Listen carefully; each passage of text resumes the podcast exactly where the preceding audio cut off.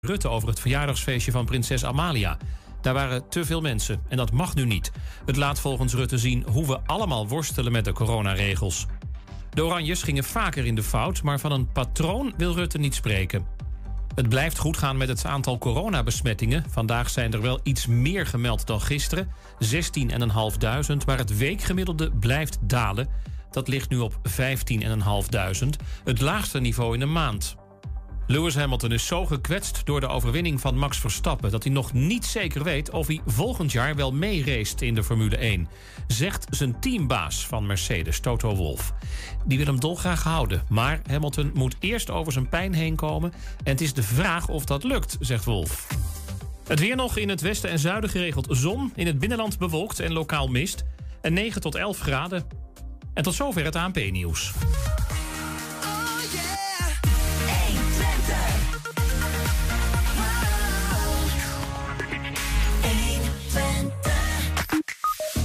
Deze caféhouder Paulina die sluit zich vijf dagen op in haar eigen café Moed... om aan te geven hoe hoog de nood is door alle coronamaatregelen. Studenten van Windesheim die leggen de Hengeloze, week de nijverheid, uh, Hengeloze wijk de nijverheid onder een vergrootglas. Dit keer spreken we over de leefbaarheid daar.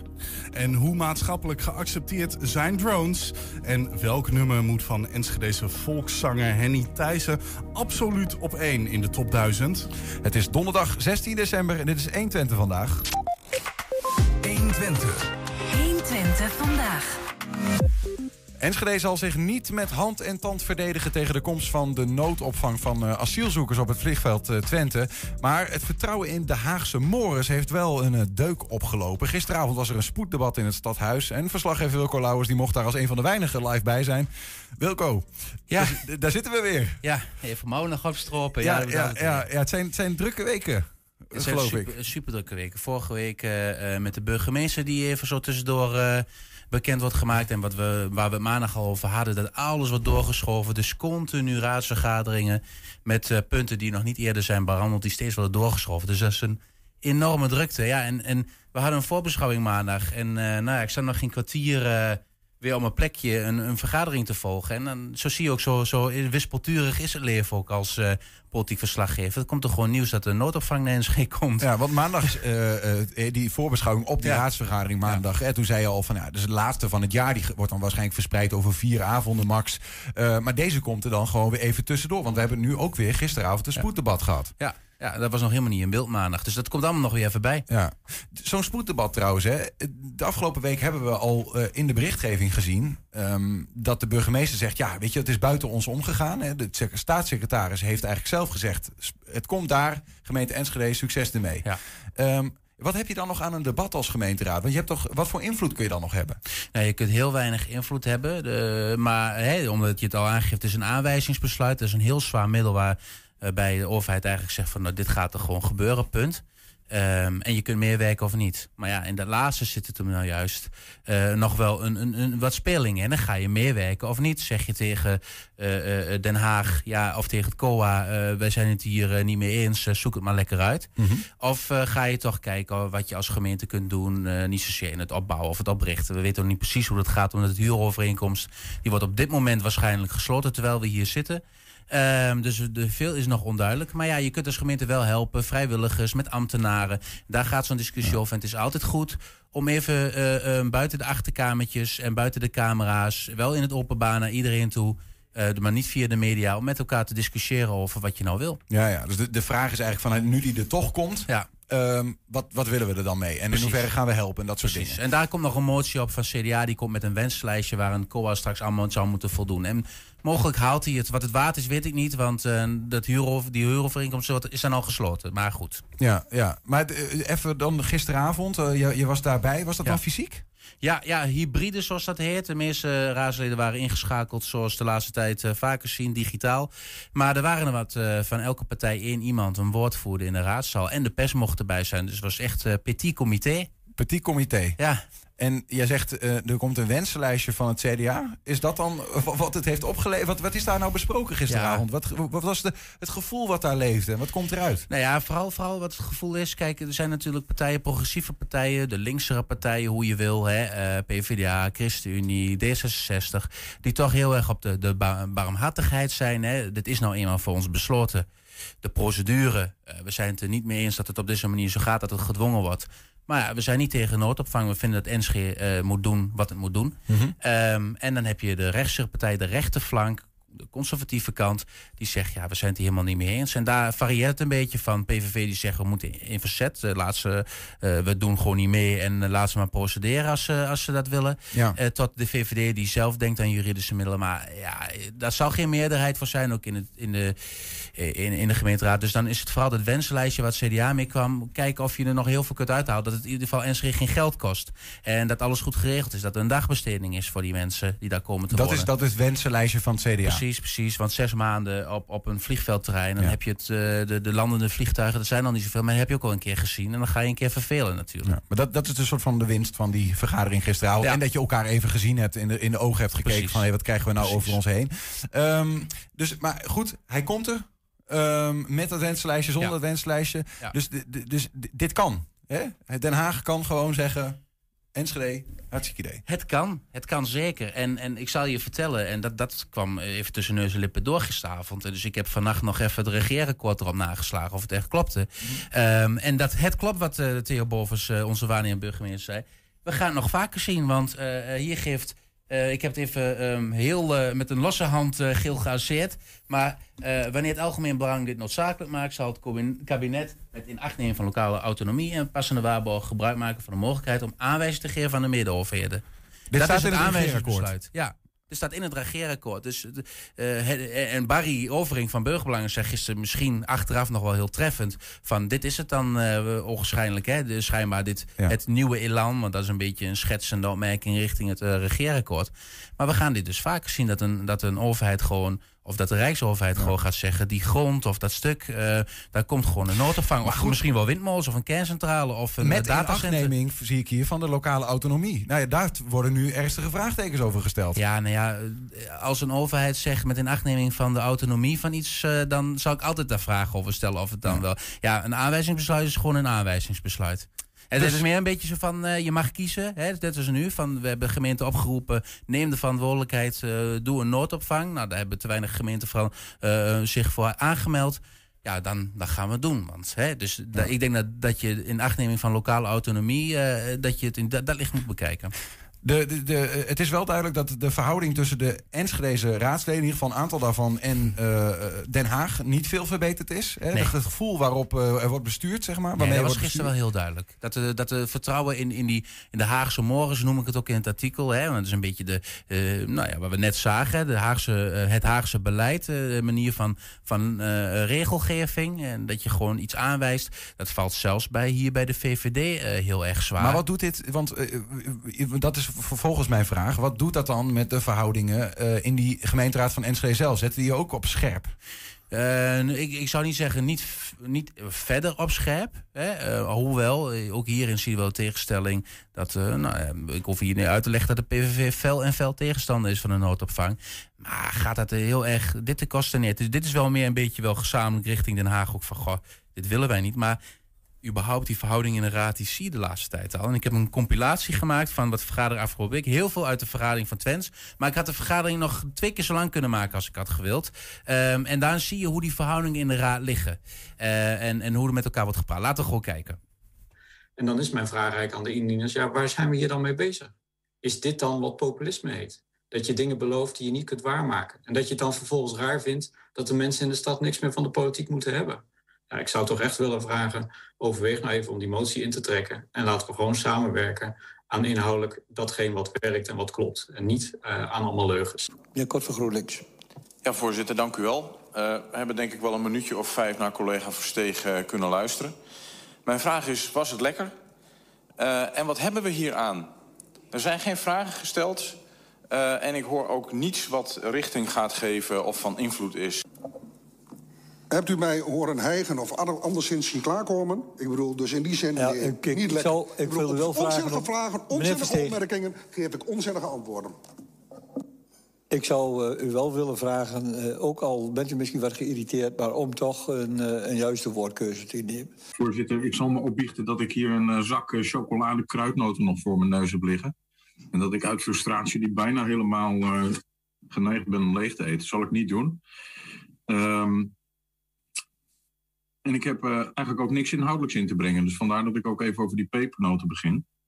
Er wordt hier veel lawaai gemaakt. En ik noem het met de opzet even lawaai, want ik ben ook verontwaardigd van wat hier gebeurt. Ik hoorde hier van lage verontwaardigd zijn en meerdere. Maar ik vind het een heel mooi spel wat hier gespeeld wordt. Maar laten we ook eventjes reëel zijn en kijken wat er gebeurd is. En ik hoor u zeggen, ja, maar de meerderheid vond het al prima. Dat vind ik zo respectloos naar andere fracties toe die moties en amendementen hebben ingediend. Dat is de arrogantie van de macht. Moet u gewoon bij mij niet doen. Allereerst, ik verwerp elke vorm van eh, een spelletje spelen van mij. Eh, en ik vind ook dat het een, een, voor mijn gevoel een onjuiste beweging is voor hetgeen wat ik als raadslid eh, hier doe. Als dit namelijk een spelletje is, dan kan ik net zo goed anders gaan doen. De vragen die zijn heel goed beantwoord, denk ik, door de wethouder. En het lijkt wel alsof daar niets van aankomt. En ik vind dat echt kwalijk. Op deze manier kan de gemeenteraad niet goed functioneren. En dat is schadelijk voor de democratie in Enschede. En dat is ook schadelijk voor de stad. Tijdens die geheime sessie heeft de heer Van Lagen een aantal zaken naar voren kunnen brengen. Daar heeft hij keurig antwoord op gehad. Daar lagen geen openstaande punten. Mevrouw Visser heeft niet de moeite genomen om bij die sessie aanwezig te zijn. Dan, meneer Tillema, u zegt we hebben een besloten bijeenkomst en mevrouw Visser was er niet. Nou, meneer Tillema, als één weet wat er aan de hand is met het ween van mevrouw Visser, dat heeft u afgelopen weken wekenlang gezien. Mevrouw Visser zat in MST, verder hoef ik ook niet uit te wijden. Maar dit is weer gewoon een, een gehoer van niks. Eh vreemden moet je ook niet doen. Nee, vreemde Dan, niet, het gehoor is een term die we niet gebruiken. Oh, nou, ik, eh, ja. ik, ik voel me er even prima bij, voorzitter. En allerlaatste voorzitter, ik ben de allereerste die in de spiegel wil kijken. En ik kijk het ook zeker vanavond andere keren dit debat terug. Maar ik wil de heer Tillema en zijn fractiegenoot de heer Van Dijk erop willen wijzen dat hetgeen de zaterdagmiddag of twee weken geleden op Twitter is gebeurd, ook erg onkies was. En me dat ook geraakt heeft. Want het allerlaatste wat ik als raadslid wil, wens of doe, is namelijk het gijzelen van een raad. Ik ben zo netjes om in de spiegel te kijken. Ik hoop dat de heer Tillema het ook doet. En ik zou graag vinger dat- willen schorsen, voorzitter. Ja, maar niet om eh, in de spiegel te kijken, maar wat op Twitter gebeurt, eh, dat is niet wat wij in deze raad allemaal kunnen eh behapstukken. Ja, het, hij had nog dubbel zo lang kunnen zijn wat ik zeg. Er werden nog eh, vaker over leugens gepraat en persoonlijke verwijten gemaakt deze week bij verschillende vergaderingen. Maar dit is even wat ik zo kon doen. En je ziet, ja, eh, om heel kort hierop terug te blikken, je ziet eigenlijk hoe de verhouding op dit moment ligt. Dat heel veel irritatie is. En ik merk die irritatie ook vooral bij, ehm bij Jelle- Kort van GroenLinks en eh, Fik van Dijk bij D66. En ehm, dat zijn ook wel raadsleden die op dit moment misschien, ehm, die gaan er bijna uit. Sommige eigen keuze, sommige niet een eigen keuze, omdat ze lager op de lijst staan. Misschien zit daar ook wel wat irritatie. En bij een Erwin Verstegen merk ik dat ook wel vaker. Die heeft het gevoel dat hij niet door iedereen even serieus wordt genomen. En ik denk ook dat dat inderdaad zo is. Dat er soms wel lacherig wordt gedaan. Of, en je merkt dus dat die onderlinge irritatie, en dat is misschien voor de volgende burgemeester. Hoewel ik zie eh, dat Bovers, eh Theo Bovers hier wel echt probeert eh, handen en voeten aan te geven. En in de goede banen probeert te leiden. Maar er gaat nog een dingetje worden. Misschien in de komende raad. Ja, ja, nou, misschien maar goed ook dat er dan een kleine bezem... eh, Ja, je mag het helemaal met elkaar neer zijn. Maar je ziet hier heel veel persoonlijke aantijging. Wilco, dankjewel. Geen dank. Ja, hoe maatschappelijk geaccepteerd zijn drones en welke grote vragen moeten we daarvoor beantwoorden? Ja, we praten er zo meteen over met een eh, psycholoog en een filosoof. We zijn ook als podcast te luisteren via alle bekende platforms. Je vindt daar de hele uitzendingen en elke dag één item uitgelicht. 120. 120 vandaag. Ja, volgende week donderdag gaan de stembussen dicht voor de 120 Top 1000. En dan kan het speculeren beginnen over welk nummer op 1 staat.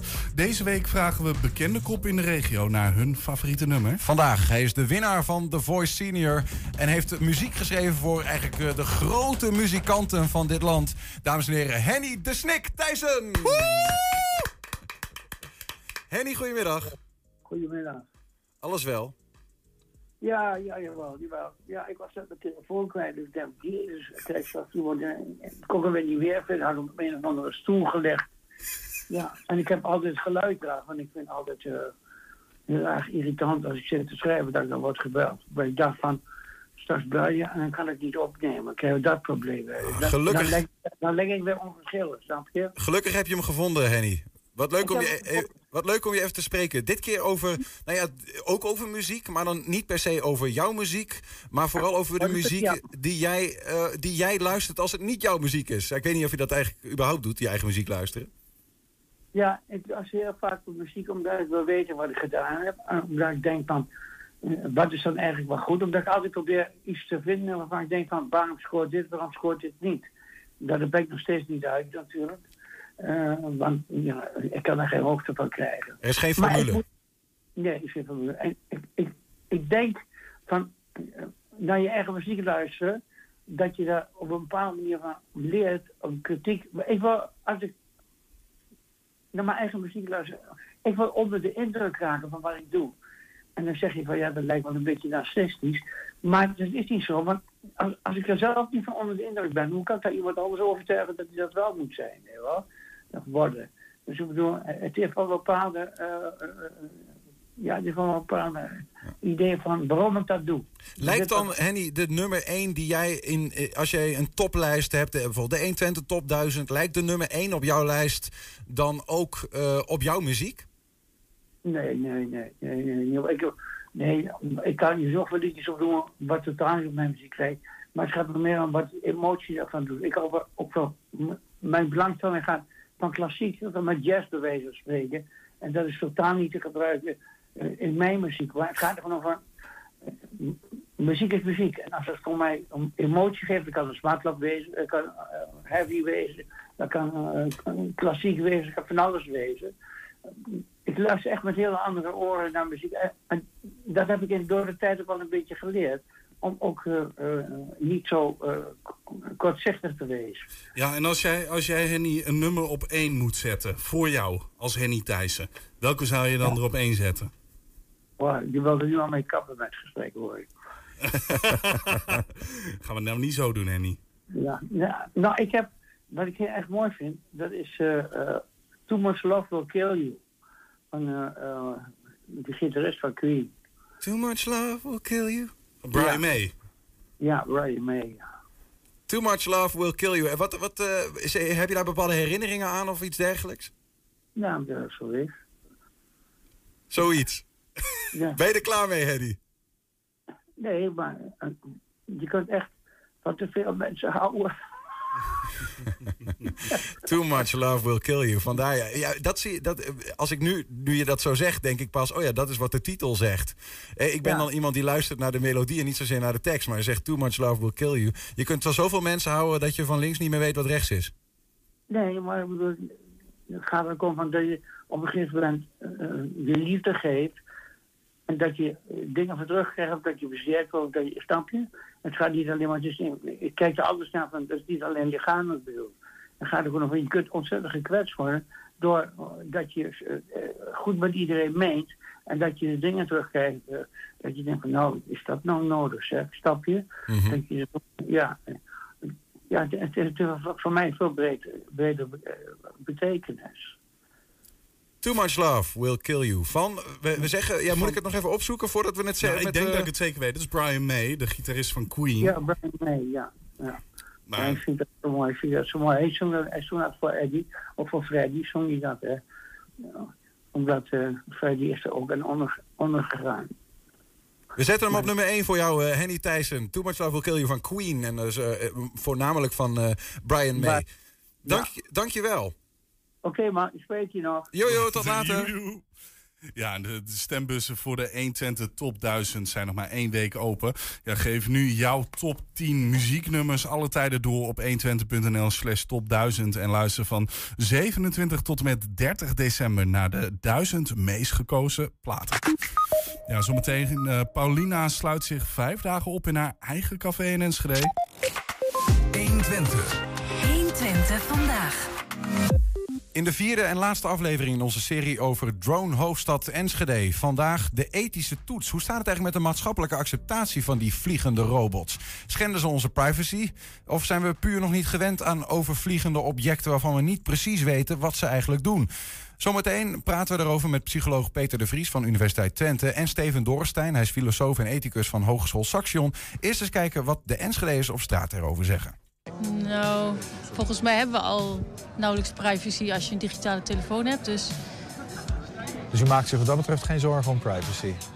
nee, ik denk dat, ik daar al, dat we daar al heel ver voorbij zijn. Ik denk dat duizend ook, eh, dat het ook utopie is. En dat, dat, wat we net ook al iedere keer gezegd hebben... als het functioneel wordt gebruikt, Gerichte inzet. gerichte inzet... he- heb ik daar geen probleem mee. Ma maakt zich geen zorgen dat u er zelf ook in de gaten gehouden wordt? Helemaal niet. Nee. We worden sowieso al in de gaten gehouden. Dus ik heb niks te verbergen. Dus ik vind het allemaal prima. Ja, als speelgoed vind ik het mooi, maar om ze overal in de lucht te zien, dat, eh, nee. Ik weet bijvoorbeeld dat eh, ja, Peter Paul van Beek bij eh, Universiteit Twente werkt... en die dit soort vragen allemaal stelt. Hè. Die eh, ziet positieve elementen in techniek... maar er moeten wel steeds ethische vragen bij gesteld worden. En, ehm, dus ja, ik zou het heel goed vinden dat er dan zo'n soort onderzoeksteam zeg maar, eh, erbij betrokken wordt. Nou, ik doe een eh, technische studie en ook een data gerelateerde. Dus wat mag.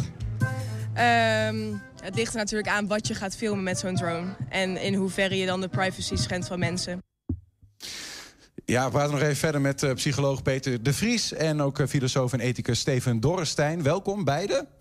Ehm, Peter, om misschien bij jou te beginnen. Ik weet niet of je het filmpje goed hebt gevolgd, maar eh, klopt het een beetje eh, in wat je kent, wat het beeld is van drones en van drone-acceptatie bij mensen? Nou ja, wat, wat, wat bij drones natuurlijk eh, voor op de tong ligt, maar dat, dat zijn privacyoverwegingen. En dat, dat hoor je in het filmpje ook, ook terugkomen. Alhoewel het ook wel grappig is dat er iemand een kanttekening bij plaatst. Van ja, als je mobiele telefoon hebt, wat is privacy dan nog? Ehm, hè, dus, dat, is- dat is natuurlijk ook helemaal waar. Maar dat is wel iets wat, wat, wat heel veel genoemd wordt als het gaat om eh, drones, ja. ja. Privacy-overwegingen. Ja, ja, ja. is niet het enige. Hè. Eh, je kunt bijvoorbeeld ook denken aan eh, fysieke schade. Hè. Als iets laag overvliegt, dat kan natuurlijk ook op een gegeven moment gewoon vallen. Of, of gewoon ongelukkige beweging maken. Hè. Dus je kunt er zelf schade van oplopen. Ehm, ik heb wel eens publicaties gezien waar ook gemeld wordt... dat mensen bang zijn dat, dat dieren door van slag raken. Ehm, Ja, ja, we hebben een heel lijstje. Misschien komen we er zo verder nog op. eh, voordat we alle kruid verschieten. Eh, maar in ieder geval mooi dat we genoeg hebben om over te spreken. Ehm, Steven, een eh, filosoof, ethicus. Hoe kom je zo bij drones terecht dan? Nou, dat is heel gemakkelijk, want drones zijn echt is een, een onderwerp op het gebied van techniekontwikkeling dat veel aandacht, eh, erg de aandacht trekt. Het is gewoon een thema dat ons eh, flink bezighoudt.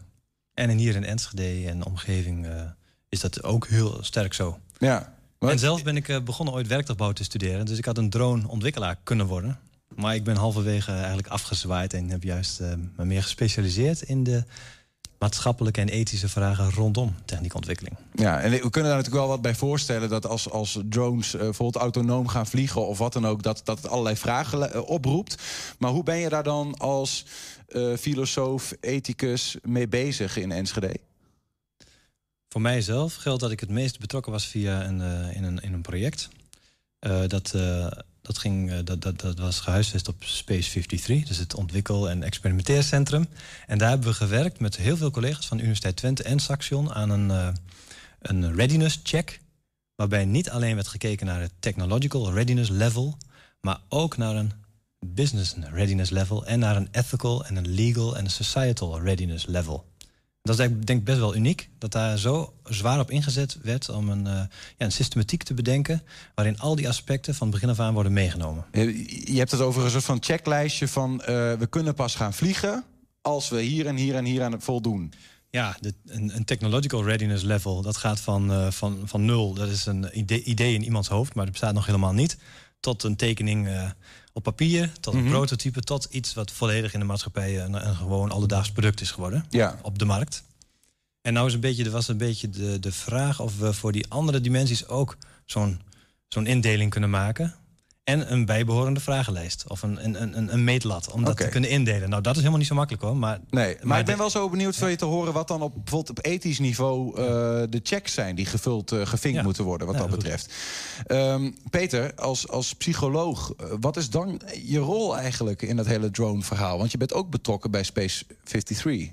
Eh, ja, dat klopt. Ja, niet in die mate als, als Steven, maar daar, eh, ben nu bet- betrokken bij een. We hebben net vandaag het rapport afgerond. Een, eh, een rapportje in opdracht van Space 53.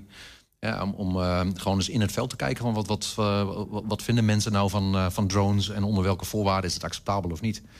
Ehm, nou, het blijkt er onder andere heel erg van af te hangen in, eh, met, met wat voor doel eh, een, een drone vliegt. Hè, dus ehm, mensen kunnen heel veel best wel sympathie opbrengen voor eh, eh, een drone die voor veiligheidsoverwegingen, eh, politie, brandweer, eh, eh, andere hulpdiensten in de lucht gehouden wordt. Maar als het gaat om commerciële eh, overwegingen, dan, dan, schiet, dan slaat het plaatje om. Ehm, hè, dus in het ene geval, als het eh, door de politie wordt, wordt gevlogen bijvoorbeeld, hè, dan ziet men meer voordelen dan nadelen. En eh, bij commerciële doeleinden is het ook net andersom. Dan denken mensen van, nou, als je er geld mee verdient... dan moet je niet boven mijn hoofd gaan vliegen. Ja, waar dat dan precies door komt, dat weet ik niet. Maar dat zou kunnen, inderdaad, ja. Ja, is ook een beetje gek, toch? Hoe dat dan in ons hoofd werkt. Want ik bedoel, uiteindelijk kan eh, een drone van de brandweer... eh, wijs van ook rare dingen... Ja, maar de, de, kern is natuurlijk wel gewoon een, een kostenbatenafweging. Dat is niet, niet, op zich niet heel raar. Hè? Dus, dus hè, wat, wat, kan ons, ons wat kan het ons brengen dat die drone eh, gebruikt wordt? Ehm, en wat zijn de risico's? Ja, maar het heeft ook met vertrouwen te maken. Je moet er maar vertrouwen dat de, die diensten waar we het over hebben... dat die daar goed omgaan met die de dingen wat boven ons hoofd vliegt. Klopt, klopt. Je kunt wel zeggen van ehm, we, eh, we hebben wel een camera, maar we maken geen opnames. Mhm. Maar eh, de vraag is natuurlijk of je geloofd wordt. Dus vertrouwen is inderdaad een groot, eh, groot goed daar, ja, absoluut. Maar dat zit met, zit met onze, in Nederland althans, met onze hulpdiensten wel, wel goed. Dus eh, politie en brandweer, dat zijn toch organisaties die heel veel vertrouwen genieten bij, eh, eh, bij burgers. Ja, dus dat, dat gaat op zich wel goed. Maar werken we er ook aan, want dat, dat is even, is jullie rol ook om te werken aan meer acceptatie als het gaat bijvoorbeeld om commercieel gebruik van drones dan? Nou, niet, nog niet direct hoor. Ehm, ik ben vooral geïnteresseerd in van, van ehm, wat beïnvloedt nou acceptatie. Hè, dus wat, zijn nou die overwegingen? Nou, wat ik net noemde is daar, is daar een, voorbeeld van.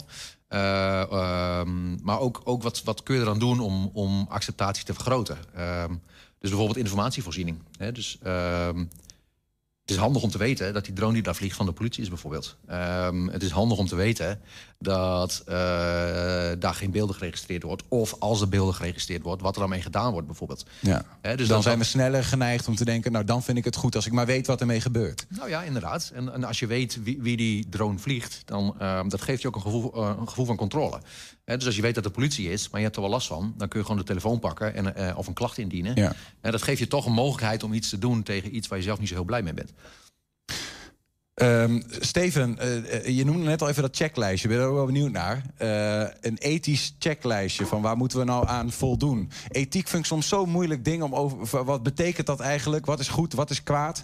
Noem Nou, dat, wat is een, dat is een perfecte samenvatting. Ja, Ethiek ja, maar goed, ja, dat is een hele grote kwaad. vraag, hè? Maar eh, daarna wordt het inderdaad heel moeilijk. En bovendien, er zou bijna geen hoogleraar ethiek te vinden zijn... die mee wil werken aan een simpel checklistje... waarin je, waarmee je even kan bepalen of een bepaalde drone goed of slecht is. Zou ieder mens heerlijk vinden, denk ik, hè? Dat we gewoon even ons dagelijks leven langs een checklistje kunnen leggen. dat weet ik niet eigenlijk. Misschien ook niet. Ja, aan de ene kant wel, aan de andere kant ook niet. Nee. Het is ook niet bevredigend dat je dat zo zou kunnen afstrepen. Dus eigenlijk het diepere, eh, ja, het hogere doel wat mij betreft... is ethische reflectie op gang brengen. Zodat we daar ja, verstandig over nadenken en met elkaar over praten... voor welke doelen we wel een drone willen inzetten, voor welke doelen niet. Mhm. Wat, ja, wat passend is en wat niet. En hoe ze moeten worden ontworpen. Dus of zo'n drone zelf kan laten zien waar die voor is. Of die, eh, da- Daar kun je echt wel een verschil maken. Het klinkt toch nog, wel- ik vind dat best vaag Maar nu- klinken. Hè? Van wat is nou die concrete, eh, ja, de uit, Nou, uitvloeisel zo, daarvan? Zo concreet als we het maken konden, is het toch een aantal min of meer simpele vragen over doel en middel. Wat is het doel van de drone? Dus, en ook wat willen we ermee? Waar is die voor bedoeld? Nou, dat is een ethische vraag. Hè? Wat zijn belangrijke waarden? Willen we veiligheid bereiken of, eh, of iets anders? Eh, dus daar heb je eigenlijk niet eens een, niet, een, niet niet iemand nodig, voor nodig die gespecialiseerd, eh, gespecialiseerd is in ethiek en technologie. Dat is gewoon een algemeen onderwerp. En nu komt de techniek, filosofie er een beetje bij, omdat we ook vragen naar het, eh, of, zo'n, of een bepaalde drone ook het goede middel is bij een doel. Dus wat zijn de effecten? Kunnen we al meer en beter nadenken in een vroeg stadium over hoe het gaat uitpakken? En bij, bij drones, die hebben een, een eigenaardigheid, want ze zijn, ze, ja, het zijn automaten. Ze kunnen iets zelf en ze doen dat op afstand. Dus daar horen een aantal eh, dingen bij. Ja, dan kunnen we, komen we op het lijstje van de typische effecten die bij drones horen, waar eh, Peter over begon straks. Maar goed, ehm, ja, mensen helpen op een, een, een reflectie op gang brengen over eh, doel en middel. Dus jij gaat hier niet zeggen wat is en goed, wat is kwaad, maar je, gaat, je helpt om een discussie daarover aan te zwengelen. Van wat, Ja, nou dat eh, moeten we wel inderdaad eventjes, eh, daar kunnen we het snel over eens zijn. Het zou ook niet best zijn als de ethici in Nederland gingen beslissen wat goed en slecht is. Ja, ik jullie hebben er zoveel over nagedacht, joh. Dus dat, Ja. dat hoop je dan. Nee, zo werkt niet. Ik denk dat we. Het is echt een taak van ons allemaal. Als Ja. droneontwikkelaar, als beleidsmaker en ook als burgers en gebruikers. Om ja, meer vat te krijgen op hoe belangrijk technologie is in ons leven en daar verstandige keuzes in te maken. Maar als ik je vraag, wat is nou absoluut een verkeerd gebruik van een drone? Zou je dan een Eh, antwoord geven? Bijna altijd is het slecht om in Afghanistan met een drone eh, bommen te droppen. En zeker als we dat ook in Nederland zouden gaan doen. Zulke militaire toepassingen zijn natuurlijk heel verdacht. Ehm, er zijn ook. Ja, alle, er zijn, eh, ja, in het kader van veiligheid kun je natuurlijk overal. Je zou continu een soort netwerk, in de, een soort Star Wars in het kleine in Nederland kunnen doen. Waarbij je de hele tijd ons in de gaten houdt. Nou, zo- zo'n soort toepassing lijkt me echt niet goed. Ja. Nog een concreet voorbeeld dat echt gebeurd is. Ehm, met Enschedeze mensen zitten we in een eh, netwerk, Europees, om, eh, en een, eh, ja, Europees, om droneontwikkeling te bevorderen. En in een andere groep kwam met een voorbeeld dat in een stad, ik denk, het was in Kroatië, maar dat kan ook ergens anders zijn geweest, waar ze in het begin van de corona-epidemie hebben ze drones in de lucht gehangen om, om te, in de gaten te houden of de anderhalve meter maatregel werd nagevolgd. Nou, daar vielen de Nederlanders een beetje van stijl van achterover. Ja. Zouden we dat nou wel moeten doen? Dan kun je toch verwachten dat dat heel veel weerstand oproept. Nou, ja, ik zou het ook niet hebben bedacht. Dat is echt een noodmaatregel, maar dat is daar toch uitgeprobeerd. Dus ik denk dat er heel veel toepassingen zijn die je gewoon niet willen. Maar ook heel veel die wel kunnen. Of die, ja, daar moeten we echt over nadenken. Dan moeten we, en wordt dat gesprek al genoeg gevoerd? Zeg In het maar? algemeen gezegd nee. Dat, dus dat, dat, dat, we proberen daar een goede aanzet voor te doen. Ja, ja, maar niet alleen met Ja. drones, ook met social media. Dat komt over ons heen, dat dat echt steeds belangrijker en belangrijker wordt. Ja, als je niet oppast, dan, dan gaat de keurmeester zijn eigen vlees keuren. Hè? Dus ik kan me voorstellen dat mensen die gewoon vanuit, vanuit een werk, werktuigbouw in, achtige invalshoek of informatica achtige invalshoek met drones bezig zijn, die zijn denk ik ook heel erg gespitst op wat kun je ermee. Ehm, en als, je, als, als hij dat bij zichzelf dan, eh, als hij dan gaat redeneren in hoeverre dat goed is, dan kunnen ze misschien tot de conclusie komen dat het misschien niet gewenst is om het zo te doen. Maar dat is wel heel lastig. Ja. Als het gaat om iets waar je heel veel in geïnvesteerd hebt.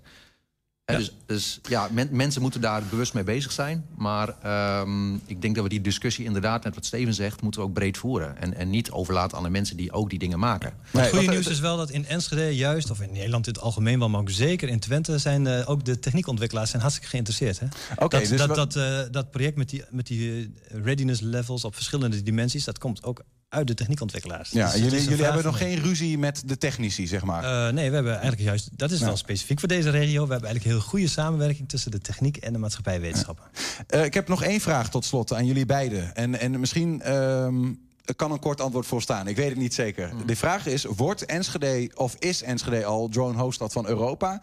En wat is daarin dan eh, in ieder geval je droombeeld van wat Enschede moet koesteren daarin? Dat vind ik een hele moeilijke vraag. Ik, eh, eh, eh, ik weet dat we gewoon een hele goede infrastructuur daarvoor hebben. Er zijn best wel veel van onze collega's daar op een hele mooie manier mee bezig. We hebben op, op, het, op het vliegveld goede faciliteiten. Ehm, dus we hebben hele goede, hele goede papieren, denk ik. Maar ik moet erbij zeggen dat, dat, ik, dat ik mijn beeld van wat er in andere steden in Europa gebeurt op dit gebied, is heel beperkt. Dus of wij de winnaar zijn, durf ik echt niet te zeggen. Oké, maar wij zijn goed bezig. Ja. Wat moeten we koesteren? Eh, onze innovatieve instelling en onze multidisciplinariteit. Steven? Ja, dat laatste. Ik denk dat wij wel eh, een soort van drone-hoofdstad kunnen worden, juist op dat onderwerp. Van het meenemen van die verschillende dimensies. En daar, ja, daar kunnen we koploper mee worden, of zijn we al. Want de, de, de maatschappijwetenschappers zijn ook niet degene die, eh, die die problemen veroorzaken. Met de acceptatie of de ethische problemen. Die problemen die zijn er en dan kom je vroeg, op laat, vroeg of laat kom je die tegen. Ja, dus het is alleen maar- beter als je daar vroegtijdig bij bent. Snel genoeg over, eh, vroeg genoeg over nadenken. Ja, nou daar kunnen wij goed in worden. Dank eh, voor jullie. eh, nou ja, het is kort, maar eh, over, over, grote thema's. Maar we hebben er even wat over gespart. Eh, Peter de Vries en eh, Steven Dorrestein, dank jullie wel. Graag gedaan. Ja, zometeen eh, duiken we nog een keer de Hengeloze wijk de nijverheid eh, eh, in. Ja, dit keer om te praten over de leefbaarheid. 120. 120 vandaag. Ja, Café Moed aan de Walstraat in Enschede is de komende dagen het thuis van eigenaresse Paulina Kramer. Ze sluit zich vijf dagen op in haar eigen kroeg om aandacht te vragen voor de penibele situatie waar zij zich als horecaondernemer door alle coronamaatregelen in bevindt.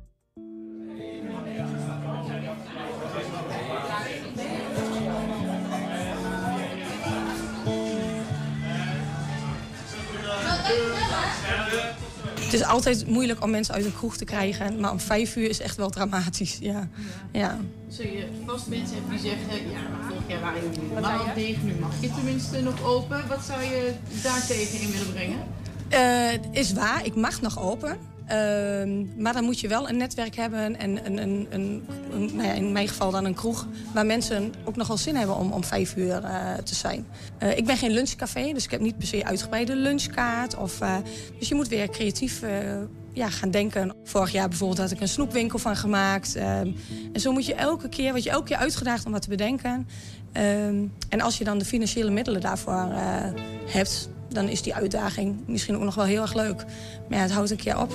We weten gewoon niet meer zo goed hoe we dat uh, moeten aanpakken. Ik hik er tegenaan nu dat ik uh, mijn huis uh, moet verkopen. Ja, ja, dus zo heftig is het wel. Ja. Ik, ik ben toe aan een beetje positiviteit. En ik wil laten zien dat ik hier nog lang niet wil stoppen. Nou, hoe goed kun je dat laten zien als ik hier ook gewoon dag en nacht ben. En dat mensen ook kunnen zien hoe ontzettend leuk het, het is om een bar te runnen en om hier, uh, hier te zijn en te werken. Uh, dus ik ga hier eh, vijf dagen lang slapen, werken. Ehm, en mensen kunnen dat live volgen. Ik heb niet de illusie dat hiermee een beleid in Den Haag wordt veranderd of wordt aangepast. Ehm, ik wil wel vooral ook aan mijn gasten en aan, nou ja, aan de, de directe mensen die hier veel komen... laten zien dat het voor mij gewoon echt ja, einde oefening is anders. Als, de, als het dit nog heel lang zo doorgaat, dan is het gewoon niet houdbaar.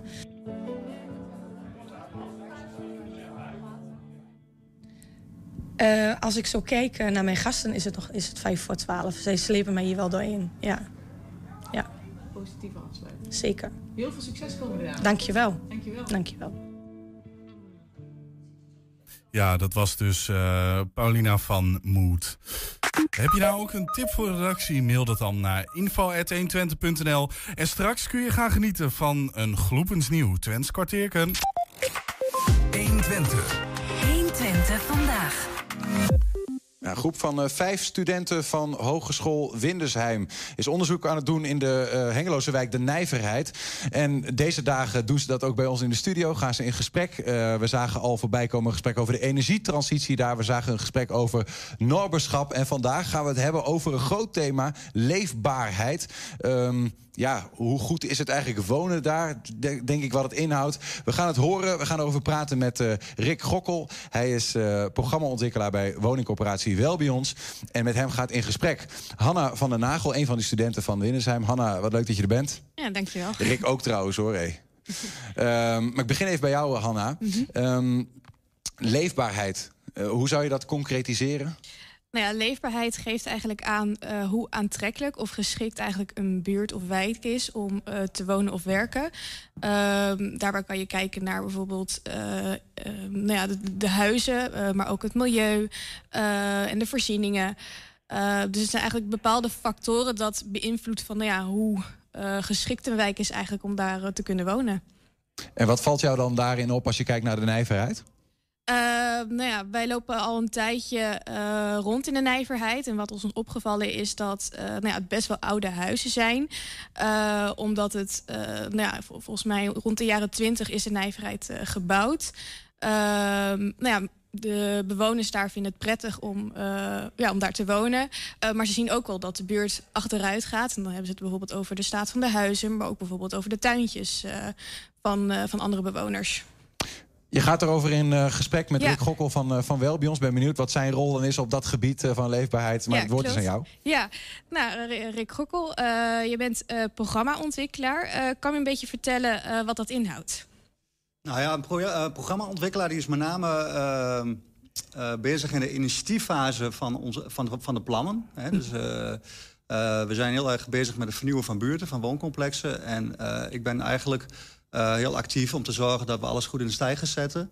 Ehm, eh, dat we de goede maatregelen nemen eh, ten aanzien van hoe we met onze woningen verder gaan. Dus dat, dat, dat kan soms sloopnieuwbouw zijn, dat kan renovatie zijn, dat kan goed onderhoud Mhm. zijn. Dus er zijn verschillende strategieën mogelijk. Ja, en dat proberen we zoveel mogelijk te doen door ook te kijken hoe een buurt functioneert. We kijken ook naar aspecten als leefbaarheid. Ja. En proberen dan een, een goed plan op te stellen waardoor een buurt eh, eh, ja, verbeterd kan worden. Ja, ja want eh Welbions eh die huurt een deel of verhuurt een deel eh, van de woningen in de nijverheid. En eh, wat is de relatie met deze bewoners? Hoe co- communiceren eh, jullie met deze bewoners? Ja, de Nijvaart is, is een hele grote buurt. Hè. We hebben daar 1100 huurwoningen. Dus we kunnen natuurlijk niet één op één altijd met iedereen alles overleggen. Eh, we hebben een overleg eh, met het BON. Dat is een, eh, een bewonersoverleg waarin een, eh, een groep bewoners zit die ja, zich heeft opgeroepen om Mhm. namens de buurt eh, iets van onze plannen te vinden. Dat doen we eh, ja, toch al gauw vier, vijf keer per jaar.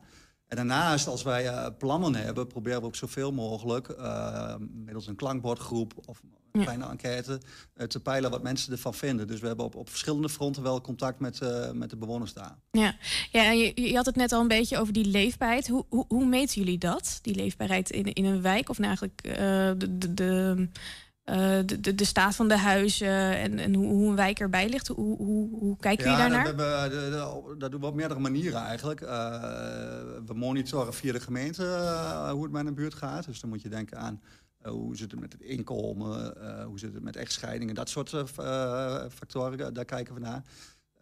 De staat van de huizen, daar doen we onderzoek naar. Dus dat is meer bouwtechnische kant. Hè. Dus hoe staat een huis erop? Wat moeten we doen om een, om een woning te verbeteren? Uh, maar we hebben ook contact met zorgpartijen, met partijen als Wijkkracht, het wijkwelzijn, uh, politie. Dus uh, eigenlijk zijn er misschien wel 10, 15 partijen uh, rondom ons heen die wij regelmatig bevragen over hoe het gaat met een buurt. En dat ligt een beetje Ja. aan het thema. Ja. Ja. welke partijen je benut. En uiteindelijk moet je daar een, als wel bij ons als coöperatie een, een, een plan op maken, zeg maar. Oké, ja, en, en wel, welk cijfer geven jullie eh, huurders hun woonwijk en de wijk? Ja, nou wij doen één keer in de drie jaar doen wij een, eh, een, een tevredenheidsonderzoek. En dan moet ik zeggen dat die, uh, die laatste alweer volgens mij bijna drie jaar geleden is. Dus okay. dat is alweer een tijdje terug. Maar ik kan me herinneren dat de Nijverheid uh, een beetje als een soort gemiddelde wijk in Hengelo uh, uit de cijfers kwam. Ze sprongen ook niet echt uit, maar het lag ook niet onder het Nee, gemiddelde. Ja, en je hebt, kijk, het is een wijk met 1100 uh, woningen. En binnen de Nijverheid zie je ook nog verschil. Er zijn een aantal complexen die iets minder scoren, een aantal die beter scoren. Uh, en daar gaan wij ook, en zijn wij ook mee aan de slag. Dus we gaan uh, de komende jaren ook uh, 130 woningen slopen. Daar gaan we nieuwe huizen voor terugbouwen. Mm -hmm. Dat geeft weer een nieuwe impuls aan die buurt. Uh, en dat gecombineerd met het groot onderhoud wat we doen. We hebben inmiddels al 500, 600 woningen gerenoveerd, verduurzaamd. Ja, ga je die wijk ook weer verder helpen. Dus ja, ja er zijn meerdere ingrepen uh, nodig om een wijk weer ja, in, die in die positieve spiraal ja. te krijgen. Ja, want daar zijn jullie nu dan mee bezig. Um, als jullie kijken naar uh, de toekomst, wat, wat ligt er dan nog om eigenlijk de buurt op te knappen? Ja, nou, we hebben, wat je straks al zei, van een aantal woningen zijn echt al heel oud. Hè, en een aantal daarvan die, die zakken echt door de ondergrens heen. Dus we hebben een aantal jaren geleden besloten om ruim 100 woningen te slopen. Dan gaan we nieuwe woningen voor terugbouwen. En dan ook met name voor doelgroepen uh, waar wij van denken dat dat de buurt ook weer verbetert. Dan moet je denken aan goede seniorenwoningen, wat grotere ingezinswoningen. Zodat de differentiatie in de buurt ook beter wordt. Want het is wel een wijk die heel eenzijdig is veel kleine woningen, uh, veel goedkope woningen. En wij denken als we uh, ja, wat meer differentiëren, dus ook wat, wat andere doelgroepen toelaten, dat het uiteindelijk ook goed is voor de leefbaarheid van die wijk. En uiteindelijk iedereen per saldo ook prettiger ja. kan wonen. Hoe groot, Rick, is denk je het aandeel van een woningcorporatie uh, als het gaat om leefbaarheid? Hoe groot is jullie invloed? Zou je dat kunnen uitdrukken van, van 0 tot 10? Hoeveel, hoeveel procent? Ja, ja, kijk, in buurten waar wij heel veel bezit hebben, is dat, is dat aandeel en uh, dat belang heel erg groot. Kijk, de nijverheid heeft denk ik uh, 13, 1400 woningen en 1100 woningen zijn van ons. Dus uh, ja, maar goed, niet alleen uh, de, hoe een huis eruit ziet of wat dan ook, of wat voor een huis dat is. Uh, maar, maar, dat is een, een deel van wat leefbaarheid maakt of kraakt, denk ik. Maar je hebt daarnaast nog de tuintjes van, van de bewoners of de straten. Daar gaan jullie toch in principe niet over? Ja, ja daarom werken we ook veel samen met andere partijen. Hè? De, de, de, gemeente, de politie, het wijkwelzijn. Nou, tuintjes gaan wij wel over. want Mensen huren een woning inclusief een tuin. Dus we kunnen natuurlijk wel mensen aanspreken als, eh, achterstallig onderhoud in de, in de, in de tuin speelt. Eh, maar uiteindelijk natuurlijk de, de, de, de, de, straten en de verlichting en eh, een heel aantal voorzieningen zijn niet van ons. Maar we proberen wel op die momenten dat we dat kunnen, eh, andere partijen wel te betrekken en te zeggen van weet je wat, wij knappen een deel van de buurt op. Het zou mooi zijn als je met ons mee kunt doen. Dus we proberen altijd wel integraal te kijken naar een buurt en te kijken op het moment dat wij woningen verbeteren, dat ook er iets in de openbare ruimte gebeurt. Of dat een, eh, een bepaalde voorziening wel of niet kan blijven. Want Ja. dat, is, dat zijn ook issues geweest waar wij ons wel mee bemoeid hebben. Ja, en over die tuintjes, want eh, wij zijn met die bewoners in gesprek eh, geweest. En vele bewoners zeggen dat ehm, nou ja, de, de, de, de onderhoud, van de, onderhoud van de tuinen ehm, eh, niet, niet echt, ehm, dat wel bij ons er niet echt goed op eh, aanspreekt. En dat de tuinen er, er, niet, daardoor niet goed uitzien. Is deze constatering terecht? Kijk, uiteindelijk is het natuurlijk, en zeker in zo'n karakteristieke buurt de Nijverheid, ook belangrijk dat de, eh, de tuinen er netjes eh, uitzien. Want eh, de Nijverheid is echt een, een tuindorpachtige buurt. En die wordt ook gekenmerkt door eh, veelal grote tuinen. Hè, dus diepe achtertuinen, voortuintjes, eh, veel hagen. Dus eh, in zo'n buurt is het eigenlijk extra belangrijk dat, dat wij ook toezien op, op goed onderhoud van de tuin. Dat doen we ook regelmatig. Dat ziet natuurlijk niet hoe, altijd hoe, iedereen. hoe doe je dat? Spreken jullie dan de bewoners aan? Of, of? Ja, dus eh, we spreken bewoners aan. We hebben ook eh, eh, kaartjes en briefjes, verschillende acties gehad om, eh, om mensen te prikkelen. En eh, ja, soms is het nodig om echt eh, ja, een hele dwingende brief te sturen. En eh, ja, dat, dat komt eh, soms ook voor. Wat is dan, eh, kun je dan kun je boetes uitdelen of zo als woningcorporatie? Nou, kijk, als het echt te gek gaat, dan kun je natuurlijk wel zeggen van... eh, wij gaan die tuin eh, opruimen en we leggen de rekening bij Unia. En heel incidenteel gebeurt dat eh, Oké. Maar goed, dat, dat is echt de laatste stap die Ja. je neemt. Hè. Je gaat toch juist eh, kijken of je er samen uit kunt komen. Soms is het ook geen onwil. Want we zien ook heel vaak dat er in een, in een, kleine ingezinswoning iemand woont van, eh, van 85 die het gewoon niet meer kan. Eh, of, of een gezin wat allerlei problemen heeft, waardoor ze niet meer toekomen aan, aan onderhoud. Dus we proberen ook wel door te vragen en erachter te komen bij de bewoner waarom ze nou die tuin niet meer doen. Want dat is denk ik mensen zo belangrijk. Je kunt het altijd wel opruimen, maar de, de kunst is ook om eh, toch de bewoner zelf verantwoordelijk te laten blijven voor eh, de tuin. Want anders blijf je er maar achteraan hollen. En we proberen die kentering ook wel een beetje eh, in te zetten. En dat is wel een weg van de lange adem. Dat je eh, ook probeert om eh, ja, toch die bewoner zelf eh, aan de slag te laten gaan. Ja, ja en, en, want nog een beetje terug over die plannen en het, en het, en het renoveren ervan. Ehm, hoe worden de bewoners hierbij betrokken? Want u, u zei al eerder over een, een, een, een, groepje waarbij u dan in gesprek gaat. Maar ehm, kunt u dat nog verder uitleggen? Ja, kijk, bij, bij klein planmatig onderhoud, dus denk aan een schilderbeurt of het vervangen van een keuken, ja, da- daar hoef je niet heel uitgebreid met een bewoner eh, te overleggen.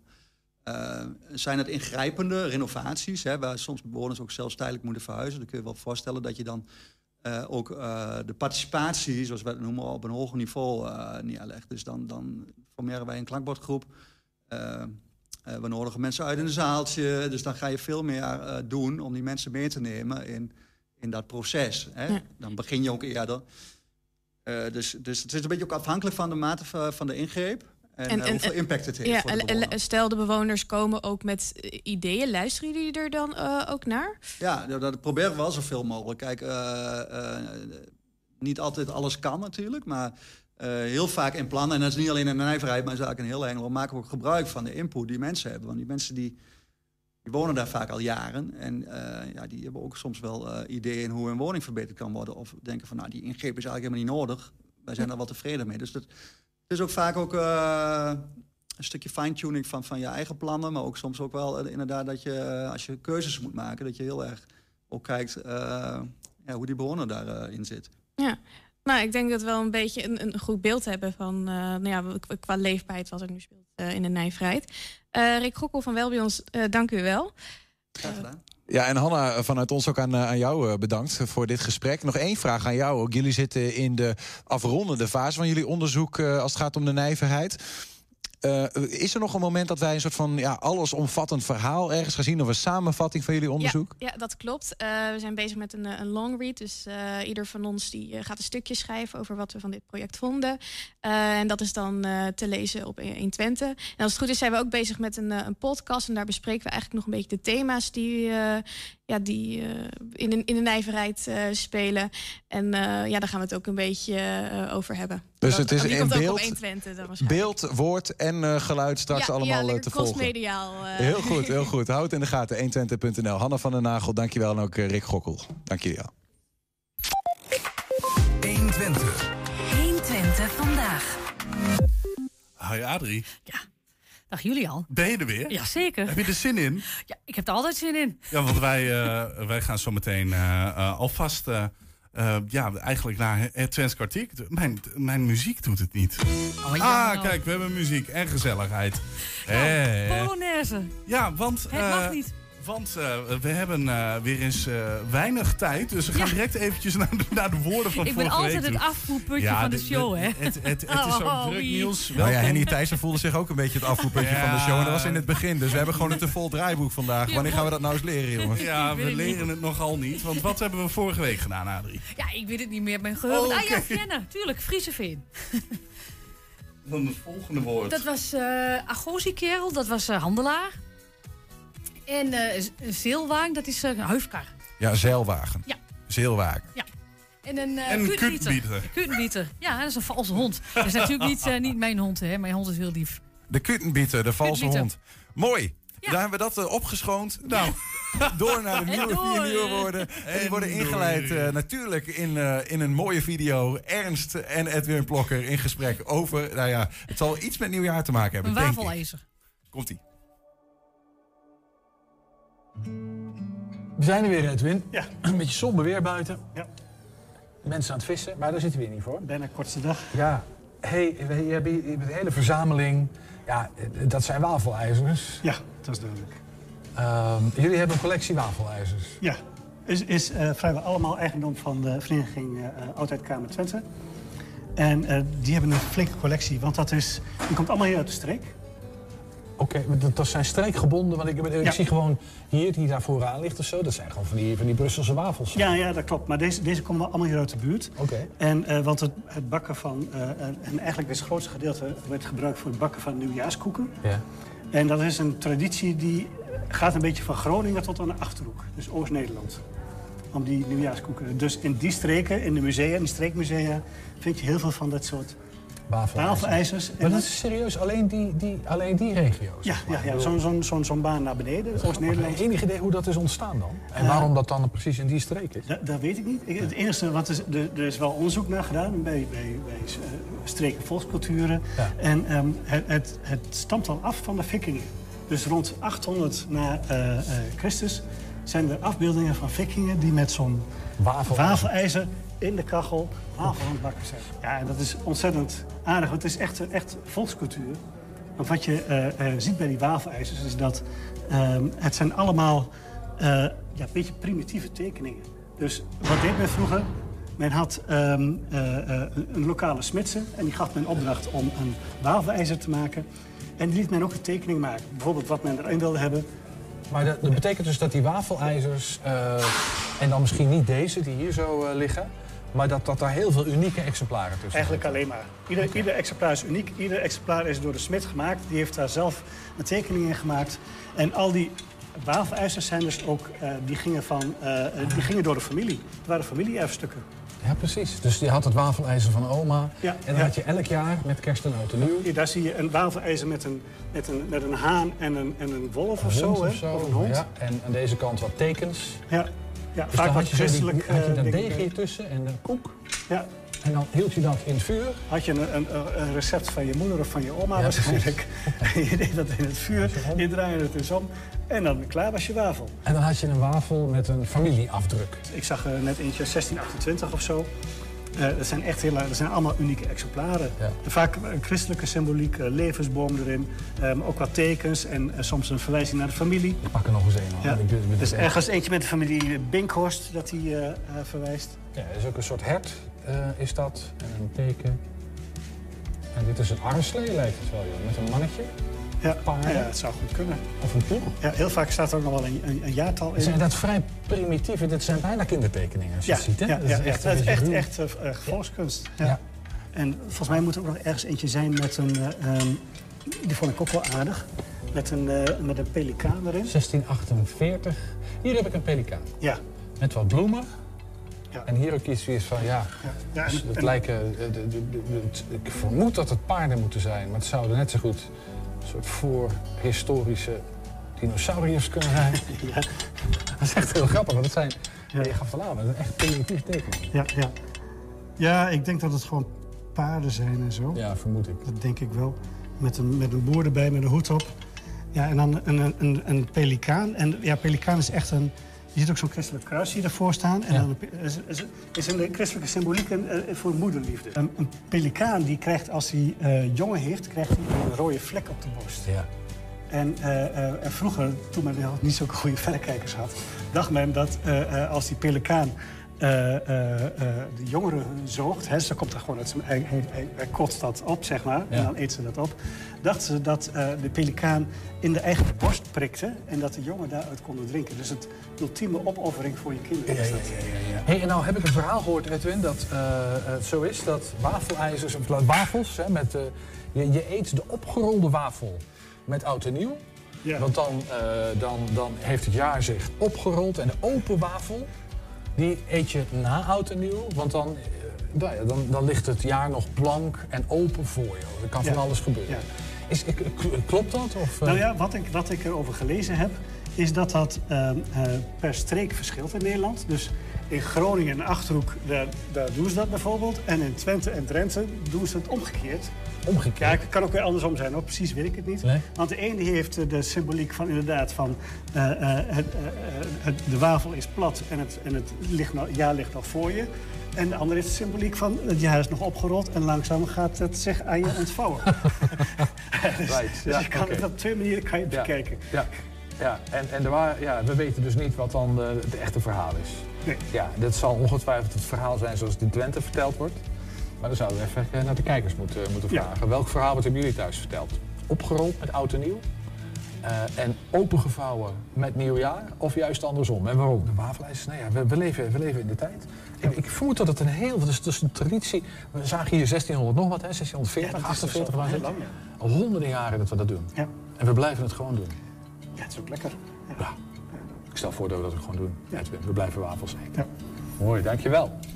Zo, ik, ik zie, het gaat over een collectie wafelijzers. Ik denk het gaat over eh nieuwjaarskniepertjes. Maar eh, het was breder dan dat. Ja, ja, een heel breed assortiment. Zeker. Ik heb ook zin in wafels nu. Ja, ik ja, ook. Ik, ik ook. Maar we moeten nog even een quizje doen. eh, Ja. moet nog even Ja, gewerkt worden. Ja hoor, de Ja, Twentse ja, quiz. Je hebt ja, drie ja. woorden voor ons eh, voorbereid. Die drie Twentse woorden, telkens drie Nederlandse betekenissen. Eén is goed aan ons om te beredeneren of te weten Ja. welke dat is. En, En het ik- gaat natuurlijk over wafelijzers. En ik verwacht wel dat jullie het doen weten. Een heel jaar weer oefent, dan moet je toch wel... eh, Ik weet hè? alles, kom ja, maar kom op. Nou, de geert hè. Eh ijzerkoken. Ijzerkoken. Ja, is dat A, is dat een eh, ijzersmeden?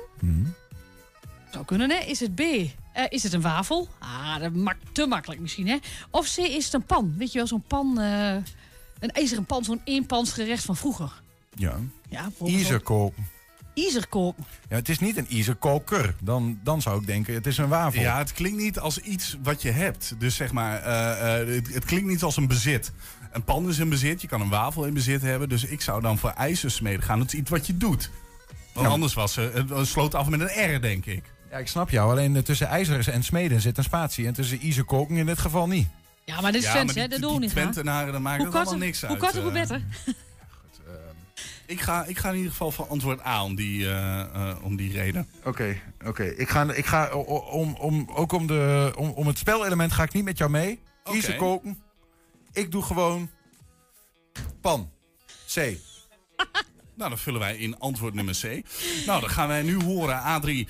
Antwoord nummer C. Jongens, Is dat? jongens, hè, wat een teleurstelling. Het is Oh. gewoon, het is gewoon een wafel. werkelijk een een koken, wafel? een koken is een koek. Ijzerkoken. Oh, ja, oh, koken is gewoon een koekje. jongen, ja. jongen, jongen. Ja. Oh, Er is nog hoop. Ik moet volgend jaar gewoon terugkomen. Ijzerkoken wafel Ja. nummer 2. nou, daar hebben we Las Hoes. Dat is nummer twee. Ja, daar werk je. Nee. is dat, eh, A, is dat een serre? hè, dat kan lekker doorwaaien. Is het eh, B, een type boerderij? Of is het C, een caravan? Ook wel een sleurhut genoemd. Wat is een lushoes? Ja, maar een sleurhoed, dat is toch ook een sleurhut. sleurhuis, dat is toch ook iets anders. Dan heb je het dus nu weggegeven. Nee, nee, nee, dat kan niet. Ah, dat ik, hoeft niet. volgens mij is dit, de meeste mensen in Twente weten dit toch? Ik een weet dat een weet ik lushoes, je hebt van die lushoesen overal eh, staan, eh, weet ik veel. En dat is dan een soort boerderij, dus het zal wel een type boerderij zijn. Eh, ik, ik wist dit niet. Ik wil in antwoord B, nu moet jij iets anders kiezen. Oké, eh, ga, ga ik voor... eh, eh, Adrie zal wel weer heel makkelijk... eh, ik vul in antwoord C. Vullen wij in antwoord nummer B, want Niels zei het. Ja, het is een type boerderij. En wat, nou, wat, wat Ja, er maar nu zo, voor werkt- lus zo werkt dit niet, hè? Eh, Dat lushoes is namelijk dat je met z'n, een, een open huis, dat je met alle dieren en, en mensen in één ruimte zit. Dat is een lushoes. Ah, oké, open. Niet Ja. eh, dat alles eh, los... eh, Nou, nee, nee, niet dat alles. Nee, dat, nee, dan is het een, eh, een kaartenhuis. Nee, een lushoes betekent eigenlijk dat de dieren in dezelfde ruimte staan als de, waar de bewoners wonen. type boerderij. Ja. Dat is, het bestaat eigenlijk niet meer echt, toch? Dan, Nee, ik zal. Nee, wel, ze zijn er nog wel, maar wordt niet meer bewoond Nee, door, eh, door, door Meer als, als cultureel Ja, object. Zo is het. Woord 3. Ja, wat was dat ook alweer? Oh ja, een breursel. Wat is een breursel? Zou Hmm. dat zijn? A, is dat ehm, beslag?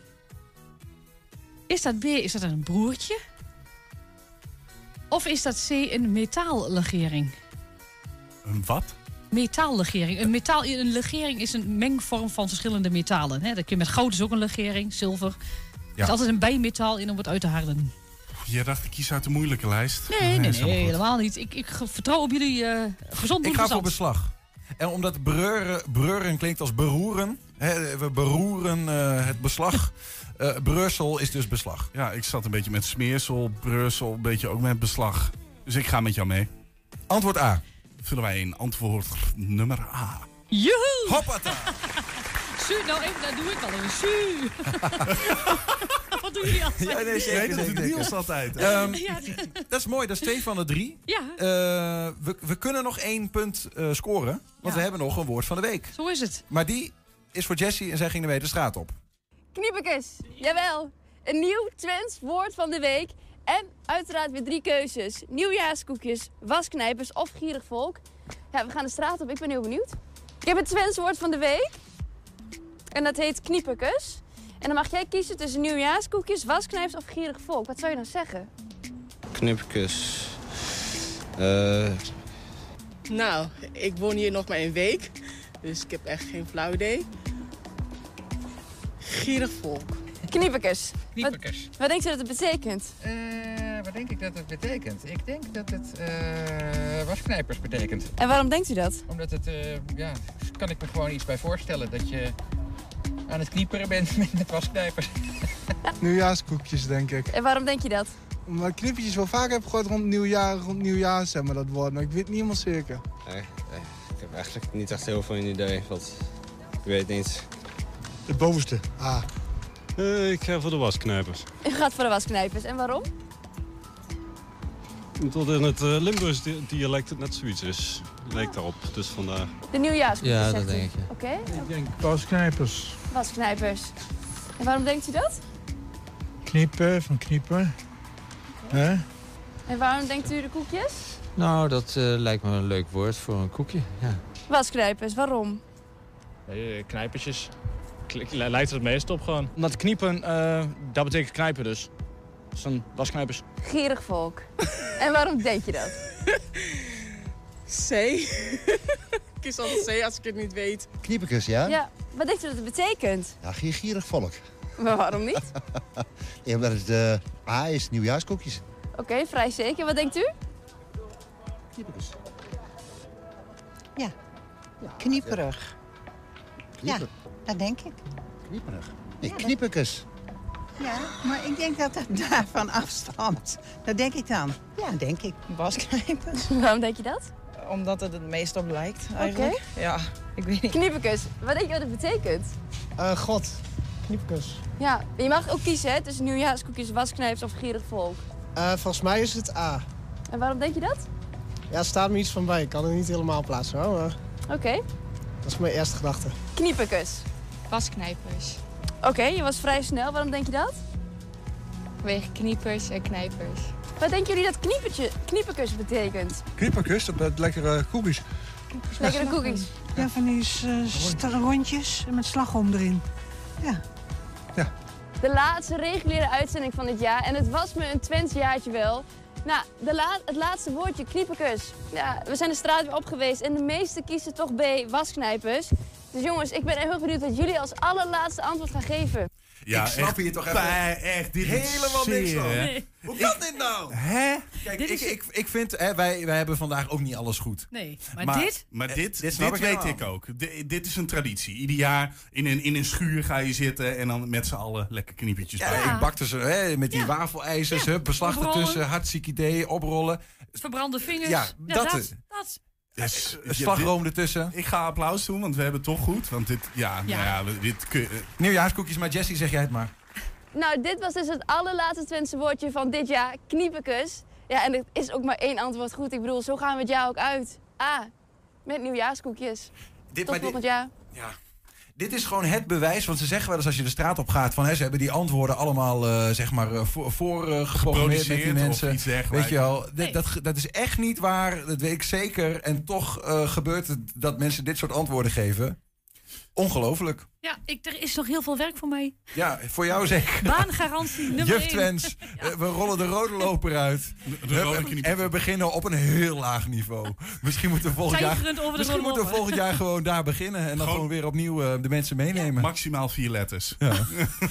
Adrie, dankjewel voor dit jaar. Joe. En tot de volgende. goed gewoon. Jo, goed gewoon. Ja, en daarmee sluiten wij 120 vandaag af. Eh, terugkijken, dat kan direct via 120.nl. En vanavond om 18 en 12 ook op televisie terug te zien. Zometeen kun je hier gaan genieten van Henk Ketting met zijn kettingreactie. Veel plezier. En morgen de laatste, dus wees erbij. In ieder geval veel plezier. En tot morgen. 120. Weet wat er speelt in Twente. Met nu het nieuws van 4 uur. Goedemiddag, ik ben Robert-Jan Knook. Het is hartstikke druk bij de GGD met mensen die bellen voor een boosterprik. Er kwamen gisteren bijna een miljoen telefoontjes binnen. En ook vandaag proberen veel mensen telefonisch een afspraak te maken. De GGD vraagt mensen geduld.